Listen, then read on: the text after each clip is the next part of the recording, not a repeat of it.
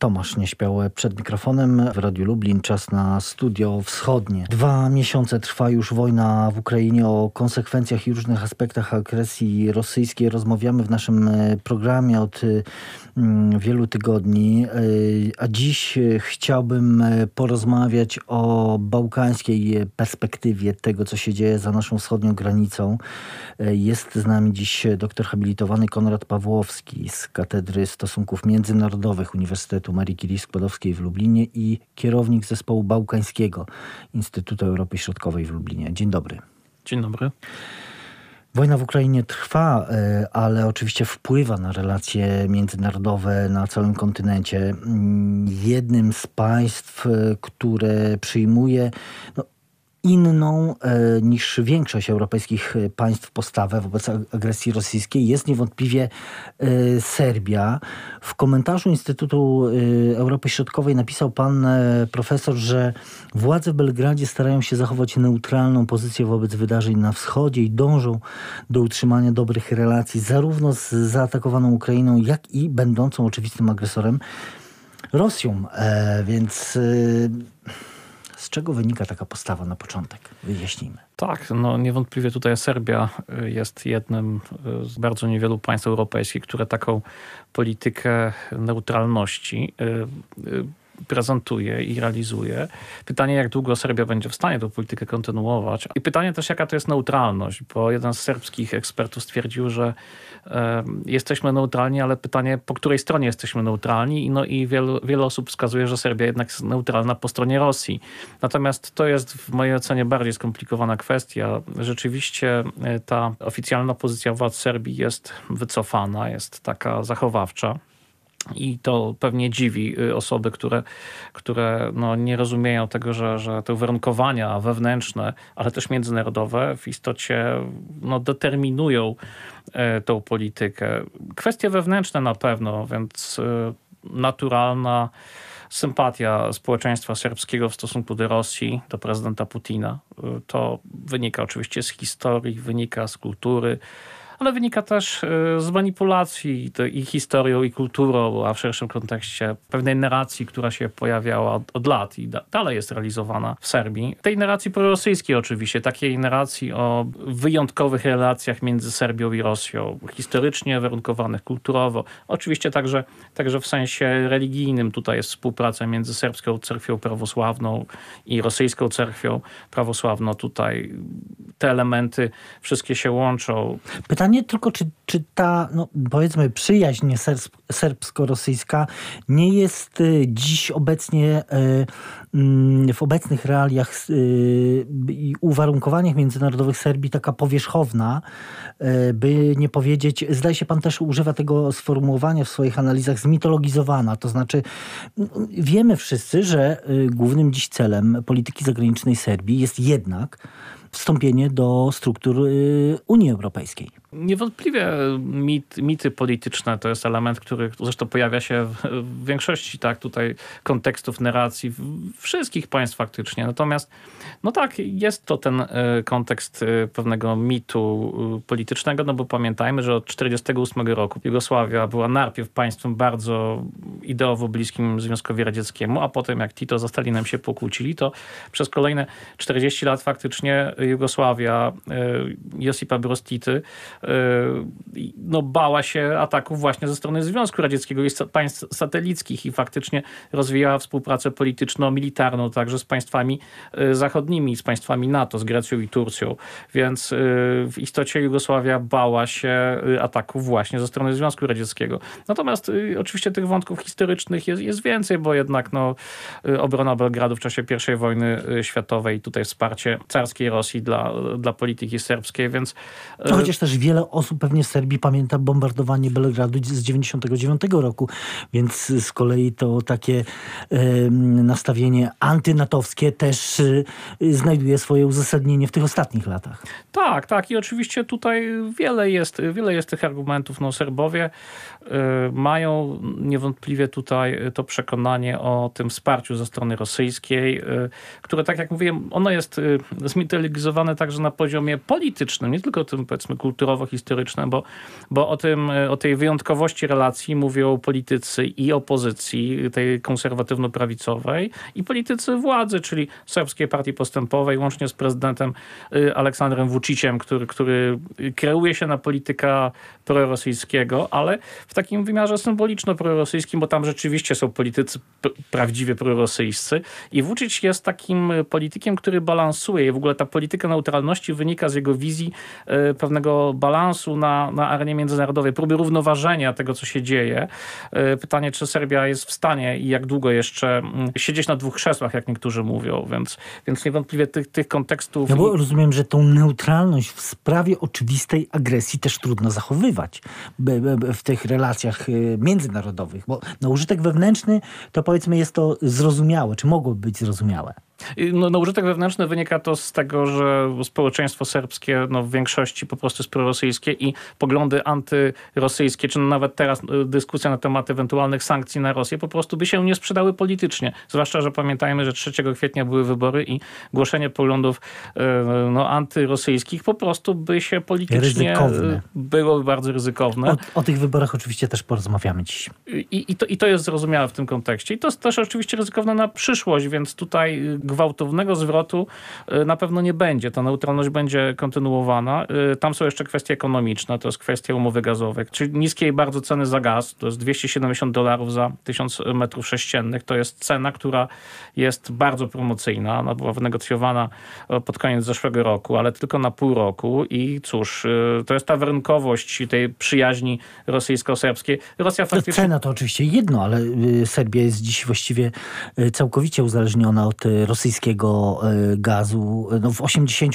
zdaje się 5%, ale jeśli e, bierze, weźmiemy pod uwagę jeszcze ropę, to właściwie alternatywy nie ma. Tak, no to uzależnienie oczywiście to nie jest tylko problem Serbii, ale tak. rzeczywiście tak, bo rosyjskie inwestycje to są inwestycje, które e, kontrolują serbski sektor, czy w dużym stopniu, prawda, kontrolują serbski sektor właśnie energetyczny, więc te, te związki zresztą są do tego stopnia no, bolesne dla Serbii, że niedawno jeszcze groziło Serbii, że sankcje antyrosyjskie dotkną koncernu naftowego NIS. To jest serbski e, potentat, który pakiet większościowy kontroluje właśnie Gazprom, więc Serbia głosując za zawieszeniem członkostwa Rosji w Radzie Praw Człowieka ONZ faktycznie zagwarantowała sobie, jak niektórzy twierdzą, właśnie to wycofanie e, tego pakietu sankcji wobec Serbii, bo on by uderzył w Serbię, a Zachodowi bardzo dzisiaj zależy, żeby Serbia, a konkretnie prezydent Vucic, który mówiąc o pokoju w regionie, jest gwarantem tego pokoju, jest gwarantem stabilności, jest gwarantem tego, że ruski mir y, nie połączy się z serbskim światem, bo niewątpliwie Rosjanie byliby zainteresowani rozszerzeniem tej koncepcji rewizjonizmu, a prezydent Vucic jest politykiem pragmatycznym, racjonalnym. Pewnie zarzuty dotyczące jego, powiedzmy, przywiązania do zasad demokracji liberalnej y, ze strony opozycji są warte rozważenia, ale, ale jednocześnie Vucic jest pragmatyczny i, y, i jest tym politykiem, który mówi jego hasło wyborcze było, było to pokój, stabilność i traktuję to w mojej ocenie na poważnie, e, zdając sobie sprawę, że e, włączenie się w awantury wywołane przez e, Putina, irracjonalne zupełnie, skutkowałoby cofnięciem rozwoju gospodarczego przede wszystkim Serbii i izolacją międzynarodową, czego Vucic absolutnie nie chce, bo jest to polityk, który mam wrażenie, że chce przejść do historii jako mąż stanu, który zreformował Serbię i ta cena gazu, o której przed chwilką mówiłem, ona gwarantuje, że gaz w Serbii będzie gazem tanim dla serbskich odbiorców indywidualnych, co gwarantuje, że poparcie społeczne dla rządzących gwałtownie nie poleci w dół, więc tu jest wiele wątków, które... To akurat jest mechanizm znany też nie tylko z, z Serbii, e, więc e, też trudno się dziwić, że w tej sprawie też taki pragmatyzm polityczny zwycięża, prawda? Tak i prezydent Vucic jest pragmatykiem. Ja myślę, że, że miejsce Serbskiej Partii Postępowej, bo prezydent państwa jest jednocześnie szefem e, Partii. rządzącej partii. To też jest rozwiązanie, które budzi pewne wątpliwości, ale, ale na Bałkanach y, akurat nie jest ono nietypowe, więc wpisuje się w cały kontekst kultury politycznej regionu, ale tak czy inaczej y, miejsce, które Vucic wyznaczył swojej partii, to jest takie miejsce dokładnie w centrum. To jest bardzo ciekawe, że to jest partia, która ma i skrzydło prorosyjskie, ale i prozachodnie.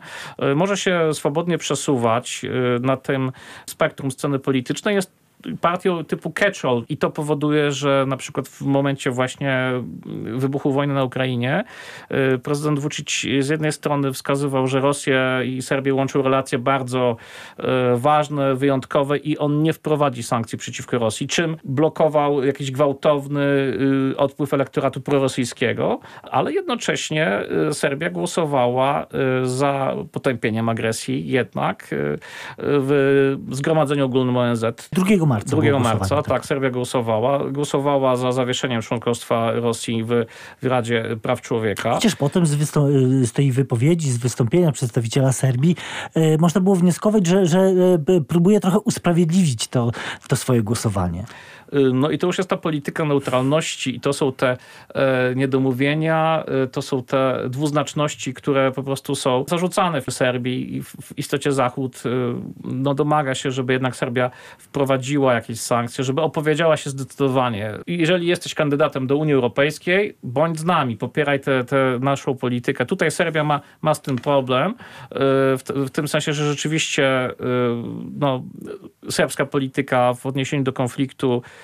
na wschodzie jest inna.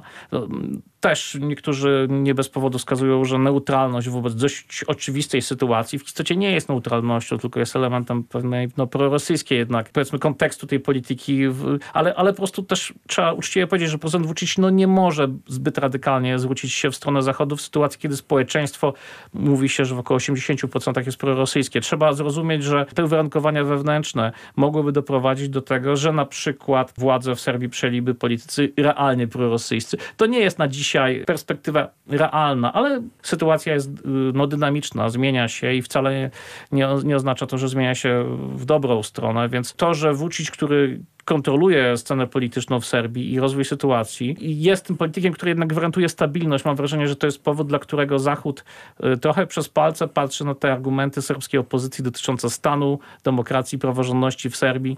To jeszcze, jeszcze skoro y, wspomnieliśmy o tych sankcjach i podejściu do sankcji wprowadzonych przez Unię Europejską, no to ważne, by odnotować, że serbskie linie lotnicze wciąż y, obsługują loty między Belgradem i Moskwą, co wykorzystuje wiele, wiele y, osób y, z Rosji do poruszania się po, e, po wolnym świecie. Oczywiście tu pewnie i kwestie komercyjne mają znaczenie. Air Serbia po prostu zarabia na, na tych lotach do Moskwy. Rosjanie uciekają z Rosji, kto ma pieniążki i realnie ocenia sytuację polityczną i gospodarczą. Po prostu wyjeżdża z Rosji. Oczywiście główną ofiarą tego konfliktu są, są Ukraińcy. Tu wyraźnie to podkreślam. Natomiast czytałem ostatnio mm, opinię takiej pani, która wyjechała z Rosji właśnie dlatego, że bombardowała ją rosyjska rosyjska, putinowska propaganda w Rosji. I ku zaskoczeniu okazuje się, że e, spotykają ta sama putinowska propaganda w Serbii, ponieważ, ponieważ Serbowie, no, czując potrzebę wyrażania sympatii do Rosjan, w istocie no, bombardują prorosyjską propagandą putinowską, e, no, która no, dla wielu też Rosjan jest po prostu obrzydliwa i kłamliwa. No tutaj szczególnie tabloidy też odgrywają e, pewną rolę w, w kształtowaniu tych postaw prorosyjskich. Rynek mediów y, w Serbii jest y, problemem y, od dawna i to zresztą organizacje pozarządowe serbskie i zachodnie wskazują, że coś, co tak określamy ogólnym słowem poziom wolności prasy w Serbii, to jest, jest problem. W istocie jest, bo te media publiczne, one są neutralne właśnie. W taki sposób, który, tak jak powiedziałem, neutralne po stronie Rosji, bo jeżeli się prezentuje informacje, ale na przykład nie, nie pokazuje się zbrodni wojennych, czy, czy bardzo bardzo ogólnie się przedstawia ten temat. Jeżeli się prezentuje opinie, y, które wskazują na, na powiedzmy argumenty ukraińskie, ale też trochę rosyjskie, to jest taka neutralność, ale wydaje mi się, że linia mediów publicznych w Serbii odzwierciedla linię polityczną władzy. Trochę tu i trochę tam, bo ja nie powiedziałem wcześniej, że, że jednak Serbia wyraźnie powiedziała, że nie, nie będzie sankcji na Rosję, ale popieramy integralność terytorialną Ukrainy. To jest trochę takie niespójne, ale na tym właśnie polega problem tej polityki neutralności. Natomiast jeśli chodzi o media prywatne, y, one y, odzwierciedlają w moim przekonaniu potrzeby elektoratu, który jest prorosyjski. I tam w tych mediach prywatnych, w zależności od tytułów, tych tablo, tytułów w tych tabloidach mamy albo taką, no powiedzmy, lajtową prorosyjskość, albo tak taką hardkorową prorosyjskość, przepraszam za takie nienaukowe sformułowania, ale w istocie tam rzeczywiście y, jest ta prorosyjskość widoczna podejrzewam, że trafia to w gusta części odbiorców. Co tu jest ciekawe w tym? Te media prywatne, one są zaprzyjaźnione z władzą w Serbii, serbską partią postępową, prawda? Tutaj są, są, to, są to biznesmeni, którzy no, odzwierciedlają, czy powiedzmy wydawcy, redaktorzy, oni odzwierciedlają to zapotrzebowanie na taki przekaz, natomiast wynika z tego, że polityka informacyjna no, obecnie rządzących w Serbii jest dwutorowa, neutralna w mediach publicznych, ale w mediach zaprzyjaźnionych faktycznie jest prorosyjska. I znowu to jest ten element tej niespójności, ale on y, po prostu pokazuje tak naprawdę główny problem dzisiaj Serbii. Czy Serbia jest w stanie, czy ma siłę, czy jest y, na tyle dużym i silnym ekonomicznie państwem, że jest w stanie być w jakimś sensie neutralnym w sytuacji, kiedy konflikt między mocarstwami się zaostrza. Prawda? Tutaj mamy geopolityczne zmiany.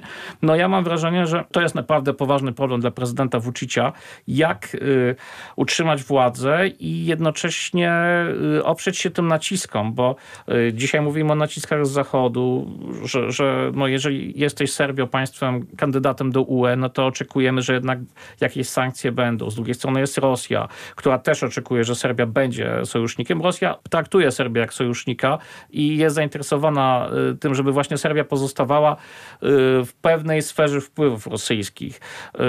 Y, Vucic jest gwarantem zachowania pewnego status quo, ale pytanie, jak długo jeszcze będzie w stanie to status quo zachowywać, bo, bo te presje i naciski z obu stron się pojawiają. Więc... To zatem o tej perspektywie dziś także będziemy rozmawiać już za chwilę wrócimy do naszej rozmowy. Ja tylko przypomnę, naszym gościem jest e, e, doktor habilitowany Konrad Pawłowski z Katedry Stosunków Międzynarodowych UMCS i e, Zespołu Bałkańskiego Instytutu Europy Środkowej w Lublinie. Do naszej rozmowy wracamy za kilka chwil.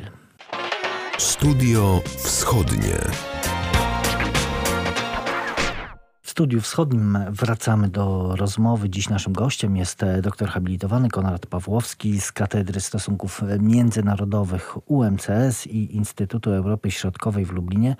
Rozmawiamy o e, Serbii. 3 kwietnia w Serbii odbyły się wybory prezydenckie, przedterminowe wybory e, parlamentarne oraz także w kilkunastu miejscach wybory lokalne. No, wojna, jak rozumiem, była, bo być musiała elementem kampanii, ale Serbów, jak też rozumiem, najbardziej interesuje własne podwórko, które od y, dekady zdominowane jest przez serbską partię postępową i prezydenta Vucicia. Jakie tematy i e, wydarzenia nadawały ton e, tej kampanii? Myślę, że nie będzie przesadą stwierdzenia, że, że wojna w takim sensie y, oczywiście skomplikowała tą politykę zagraniczną, ale w sensie y, wewnętrznym y, no trochę działała na korzyść kampanii wyborczej prezydenta Vucicia, ponieważ zarzuty opozycji dotyczące no właśnie stanu demokracji w Serbii, wolności mediów, jakości tego przekazu informacyjnego, rywalizacji demokratycznej, bo opozycja no przecież od lat wskazuje, że, że prezydent Vucic wyłączył wszelkie bezpieczniki dotyczące funkcjonowania tego, tego systemu politycznego i w istocie rządzi Serbią. I więc te zarzuty dotyczące właśnie kwestii wewnętrznych w istocie mm, os, osłabły, bo one, one po prostu w sytuacji, kiedy wybucha wojna, one, one trochę straciły blask, tak bym powiedział. Ja zresztą mam wrażenie, że, że opozycja nie potrafiła y, odpowiedzieć na intensyfikację wojny na wschodzie w, w, w sposób y, odmienny od, od, władz. Ta kampania z jednej strony rozpoczęła się takimi typowymi dla Vucicia y, odniesieniami do sukcesu obozu władz czyli y, dzieła, nasze osiągnięcia mówią za nas i nie trzeba, nie trzeba o tym mówić. I pokazywano autostrady, pomniki, y, sukcesy gospodarcze y, państwa, co, co prawda niektórzy je podważają, no ale generalnie jednak trzeba wskazać, że, że, że sporo zrobiono. Natomiast kiedy doszło do, do agresji rosyjskiej na, na Ukrainę, to faktycznie główny wątek przesunął się w stronę tego hasła pokój, bezpieczeństwo, Vucic. Więc Vucic jako gwarant stabilności przedstawia przedstawiał się jako odpowiedzialny polityk. Na początku wojny w ogóle, co było nietypowe, pojawił się ze zdjęciami, że oto będzie kryzys ekonomiczny, ale mamy zapasy żywności. Pojawił się dosłownie ze zdjęciami z magazynów y, rządowych, gdzie pokazywał, że Serbia ma zapasy na wypadek y, kryzysu. Przedstawiał się jako taki odpowiedzialny polityk, racjonalny, który rozumie potrzebę zachowania stabilności i on tą stabilność gwarantuje. Co ciekawe, pamiętamy, że, że, że na początku roku był referendum w sprawie zmian konstytucyjnych i, i Albin Kurti, premier Kosowa, nie pozwolił na, na przeprowadzenie głosowania w Kosowie i to narastało. Wydawało się, że to będzie główny temat polityczny. Tymczasem y, w istocie wojna na Ukrainie no, przykryła tą kwestię. Y, Kurti też nie zgodził się na organizację wyborów y, teraz w Kosowie, czyli Serbowie nie głosowali. Serbowie mhm. żyjący w Kosowie nie mogli głosować po raz pierwszy. Nie mogli głosować w Kosowie, bo do tej pory te wybory przeprowadzała misja OBWE, ale, ale niestety no, no w sensie nie dogadali się Kurti z Vuciciem, bo, bo władze Kosowa domagały się, żeby władze Serbii wystąpiły oficjalnie z prośbą o to, tak jak między dwoma państwami, a ponieważ y, władze Serbii twierdziły, że byłoby to dorozumiane uznanie Kosowa, nie chciały się na to zgodzić, więc nie doszło do głosowania. Serbowie z Kosowa po prostu wyjeżdżali, głosowali w południowej Serbii. Natomiast mm, gdyby Vucic chciał odpalić konflikt. To był idealny moment, ale tego nie zrobił. Odwrotnie. Ja pamiętam te wypowiedzi, kiedy prezydent Vucic w swoim typowym dla siebie stylu narracji mówi, że nie może dopuścić, żeby coś się stało Serbom w Kosowie, gdyby zorganizowano to głosowanie, że byliby no, rzekomo atakowani. To jest oczywiście licencja poetyka prezydenta, ale pokazał, że okej, okay, musimy to odpuścić, bo kwestia y, życia i zdrowia obywateli Serbii jest ważniejsza. Wybory będą głosowali w południowej Serbii. Zachowajmy spokój, stabilność. To jest wartość y, y, i ja stoję na straży bezpieczeństwa państwa. No i przekonało to Serbów. Tak, bo oczywiście jest opcja prorosyjska w Serbii. To są te ugrupowania skrajnej prawicy. One są zresztą w moim przekonaniu takie no, dość radykalnie prorosyjskie, antyzachodnie i spenetrowane przez, przez Rosję. Natomiast y, większość Serbów y, ma te sympatie prorosyjskie, ale Serbowie pamiętają wojny, pamiętają największą na świecie inflację w latach 90. Pamiętają, czym jest wojna i po prostu boją się wojny, boją się kryzysu.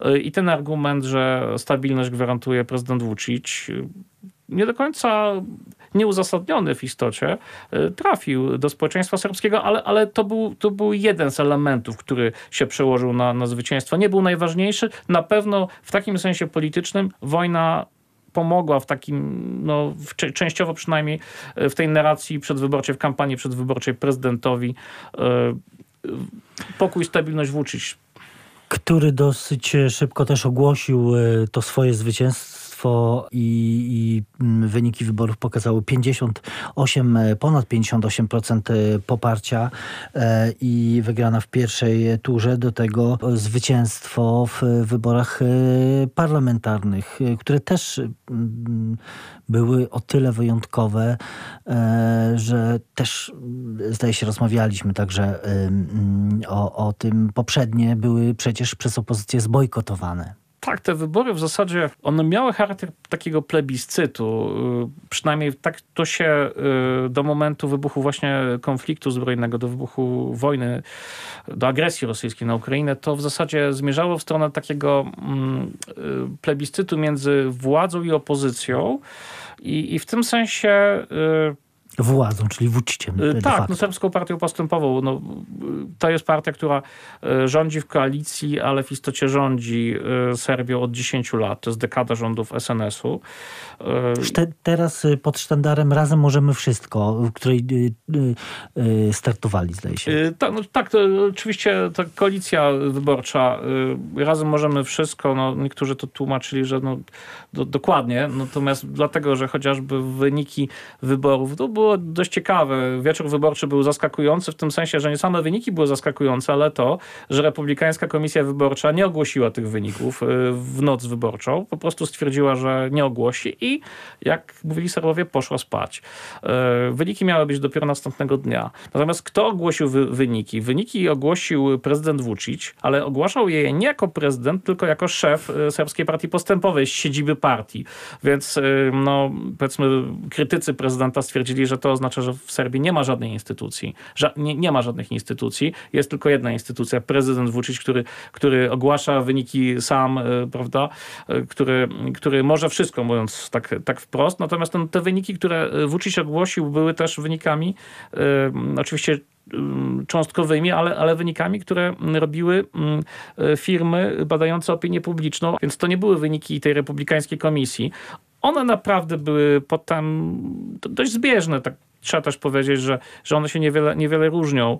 Y, natomiast y, no było to nietypowe rozwiązanie. Zresztą Republikańska Komisja Wyborcza była potem skrytykowana, że jednak to ona powinna ogłaszać wyniki, a nie szef rządzącej partii. Niezależnie od tych, y, tych wyników i, i można powiedzieć bezapelacyjnego zwycięstwa Vucicia, no to, to jednak ta różnica, że, że jest to opozycja, mm, czyli ten serbski parlament jednak no, bardziej jest odzwierciedlony odzwierciedla ten e, pluralizm polityczny w Serbii to wszystko, co się dzieje w Serbii, to jest pewien proces. Pamiętajmy, że, że poprzednie wybory z 21 czerwca 2020 roku opozycja, tak zwana demokratyczna opozycja, to jest ta część opozycji, która jeszcze no, sięga czasów opozycji antymiloszewiczowskiej, czyli ta opozycja, która obaliła prezydenta Slobodana Miloszewicza w 2000 roku i wokół Partii Demokratycznej, wokół Partii y, Wolności i Sprawiedliwości y, zorganizowana opozycja. I ta opozycja zbojkotowała poprzednie wybory, co spowodowało, że prezydent prezydent Vucic w 20 roku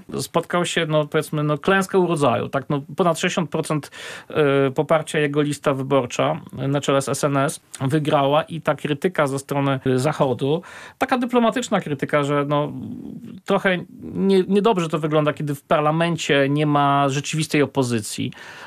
E, spowodowała, że prezydent Vucic dość szybko zdecydował, że będą te wybory przedterminowe. To jest co prawda jego tradycyjny sposób rządzenia, że żeby elektorat SNS-u mobilizować, czyli krótkie okresy między kolejnymi wyborami. No ale jednak tutaj ten element krytyki myślę, że też miał znaczenie. Te ostatnie dwa lata y, funkcjonowania serbskiego parlamentu no, dość dobrze odzwierciedlały skecze serbskich y, no, komików, którzy mówili, że tam się mówi o opozycji w sytuacji, kiedy nie ma opozycji, że nie wygląda to dobrze. Natomiast opozycja serbska też jest y, przedmiotem krytyki i to trzeba powiedzieć, że, że dokładnie jeden z serbskich komentatorów stwierdził, że w Serbii opozycja jest opozycją sama dla siebie i, i opozycja zdąży się pokłócić i osłabić swoje poparcie jeszcze przed konfrontacją z obozem władzy i to też jest y, dość, dość trafne y, sformułowanie. Natomiast no, te wybory były czymś w rodzaju plebiscytu oczywiście no, wyniki były też spodziewane. Wiadomo było, że, że to badacze się tutaj, tak analitycy, analitycy się spodziewali zwycięstwa Serbskiej Partii Postępowej i wiadomo było, e, że, że badania ankietowe pokazywały, że ona wygra. Pytanie oczywiście, w jakim zakresie ta partia wygra. No właśnie, jaki mamy y, ten powyborczy krajobraz y, polityczny w Serbii? Wygrała Serbska Partia Postępowa. To nie jest zaskoczenie, natomiast y, jednak y, wydaje mi się, że wygrała trochę za mało. Po 43 zdaje się procent, y, co, co znajduje przełożenie w 250-osobowym parlamencie na 120 mandatów. Tak. Po raz pierwszy od 2014 roku SNS nie będzie miała w zgromadzeniu większości, bezwzględnej większości mandatów. Czyli na 250 to byłoby 126, prawda? Więc ona E, na dzisiaj ma 120 mandatów, ta partia, e, co powoduje, że teoretycznie rośnie siła głosu koalicjanta Socjalistycznej Partii Serbii, SPS-u i Dacicia, bo ta partia będzie miała 32 mandaty. Z tą partią SNS tworzy koalicję od 2012 roku, czyli już jest to dekada takie trochę małżeństwo z rozsądku, tak bym powiedział. Natomiast co się stało? Głosy powyborcze y, pokazują, że SNS, y, politycy SNS, także politycy bliscy prezydentowi wskazują, że doszło w czasie kampanii wyborczej do pewnej zdradzy ze strony Socjalistycznej Partii Serbii i, i szefa tej partii, obecnego przewodniczącego Zgromadzenia Narodowego Serbii, Iwici Dacicia, y, zarzucają politykom SPS-u zbytnią prorosyjskość. I, I, rzeczywiście SPS jest partią bardziej prorosyjską. Y, jest to partia, której no, politycy wyraźnie wskazywali takie poparcie dla, dla Rosji. Więc jeden z argumentów, który, który spowodował, że, że to, co było dość, wydawało się oczywiste przed wyborami, że, kontynu, że będzie ta kontynuacja tej koalicji SNS, SPS i plus jeszcze jakieś inne partie, y, to w tym momencie wisi, wisi na włosku, ponieważ y, jest milczenie ze strony prezydenta Vucicia i nie wiadomo, kto będzie tworzył tą przyszłą koalicję. Wydaje mi się, że będzie to SPS, ale póki co jest bardzo wymowna cisza. I są te zarzuty, że e, partia Iwicy Dacicia jednak jest partią, która ciągnie w stronę Rosji i że to jest w tym sensie tej narracji coś, co może być zagrożeniem dla Serbii, zbytnio ściągnąć ją z tej ścieżki neutralności. Oczywiście ja tutaj tak trochę dopisuję to, bo to są też niedomówienia, to są pewne, pewne takie e, dwuznaczności, bo przecież ci politycy w końcu będą musieli się dogadać. Wydaje mi się, że ta koalicja e, jest najbardziej realną opcją powyborczą, natomiast znając modus operandi prezydenta Vucicia, mam wrażenie, że, że tutaj e, jest to, będą to tygodnie, gdzie SPS będzie przeczołgana trochę ta partia i hasłem wyborczym SPS-u było Iwica Dacic premier ale w zasadzie jest pewne, że premierem Dacic nie będzie, bo to oznaczałoby wzmocnienie tego bieguna prorosyjskiego y, i y, na to Vucic sobie nie może pozwolić. Y, politycy SPS to są rzeczywiście politycy, którzy mają dość bliskie związki z Rosją, niektórzy z nich i Vucic tu jest wyczulony na, na, na te kwestie zejścia z tej ścieżki, którą on nazywa ścieżką neutralną i asekuruje się oczywiście prezydent Vucic wsparciem ze strony Chin, bo to jest element dywersyfikacji sojuszników Chiny ostatnio wysłały sprzęt wojskowy Serbii.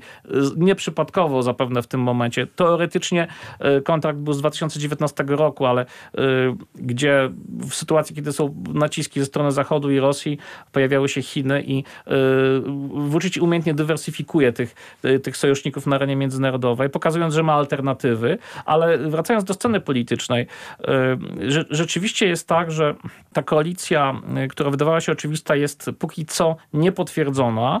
To, że ona była planowana, świadczy chociażby fakt, że SPS nie wystawił kandydata w wyborach prezydenckich, którym teoretycznie powinien być Iwica Dacic, tylko oficjalnie poparł swojego koalicyjnego partnera, czyli SNS, czyli kandydatura, kandydatura prezydenta Vucicia, który zresztą zwyciężył ponad 58% głosów. To są głosy także elektoratu soc socjalistycznej partii Serbii. To, to, to, jakby tu SPS był lojalnym y, sojusznikiem i rzeczywiście zagłosowali na, na Vucicia, no ale y, po wyborach jednak ta narracja ze strony SNS-u się zmienia i pojawiają się też takie argumenty ze strony serbskich analityków, że ta prorosyjskość odciągnęła część poparcia y, SN, y, elektoratu SNS w stronę socjalistów, co powoduje, że Vucic jest, jest świadomy, że na kryzysie ukraińskim w istocie zyskał jego partner koalicyjny. Y, to są politycy, którzy są 30 lat na scenie politycznej Serbii. No trochę może przesadzam, ale oni są jeszcze z czasów z lat 90. Oni się świetnie znają. Y, oni rozumieją dokładnie te niuanse y, relacji i międzynarodowych, i wewnętrznych, więc y, póki co, zresztą bardzo ciekawe jest to, co, co Vucic powiedział od razu po wyborach. Powiedział, że wystarczy serbskiej partii postępowej poparcie ze strony partii mniejszości, Węgrów y, chociażby, żeby stworzyć tą większość w parlamencie, czyli mieć te 126 miejsc i rządzić. Ale prezydent Vucic to jest wytrawny gracz polityczny. On wie, że to musi być silna koalicja, koalicja, która ma zdecydowaną większość, y, więc to będzie w mojej ocenie szersza koalicja. Natomiast z osłabioną pozycją jednak Socjalistycznej Partii Serbii, e, być może to będzie koalicja jeszcze z kimś. Pojawiają się partie prawicowe, które weszły, jak Demokratyczna Partia Serbii, DSS i e, póki co e, mam wrażenie, że nie szybko dowiemy się szczegółów, nawet nie wiemy, kto będzie kandydatem na premiera. Wucić ma czas. Ma czas kilkumiesięczny, to mu gwarantuje konstytucja i on to robił już w 2020 roku. Maksymalnie przeciągnie czas powstania e, nowego rządu. 30 dni po e, ogłoszeniu wyników wyborów przez Republikańską Komisję powinno się ukonstytuować nowe Zgromadzenie Narodowe. Tych wyników jeszcze nie jeszcze ma. Nie ma tak. One pewnie niedługo będą. Więc powiedzmy pod koniec maja ukonstytuuje się Zgromadzenie i Vucic ma jeszcze 90 dni do, e, do stworzenia nowego rządu. Więc faktycznie na pewno będzie zwlekał, bo to też wynika z tego milczenia na temat kształtu koalicji i wydaje mi się, że też będzie y, czekał na zakończenie wojny w Ukrainie, że y, będzie warunkował też y, ten skład rządu, że to też w jakimś sensie wpłynie na, na, na, na to, co się stanie, więc póki co mamy zwycięstwo partii, która jednak jest wygranym, ale i przegranym.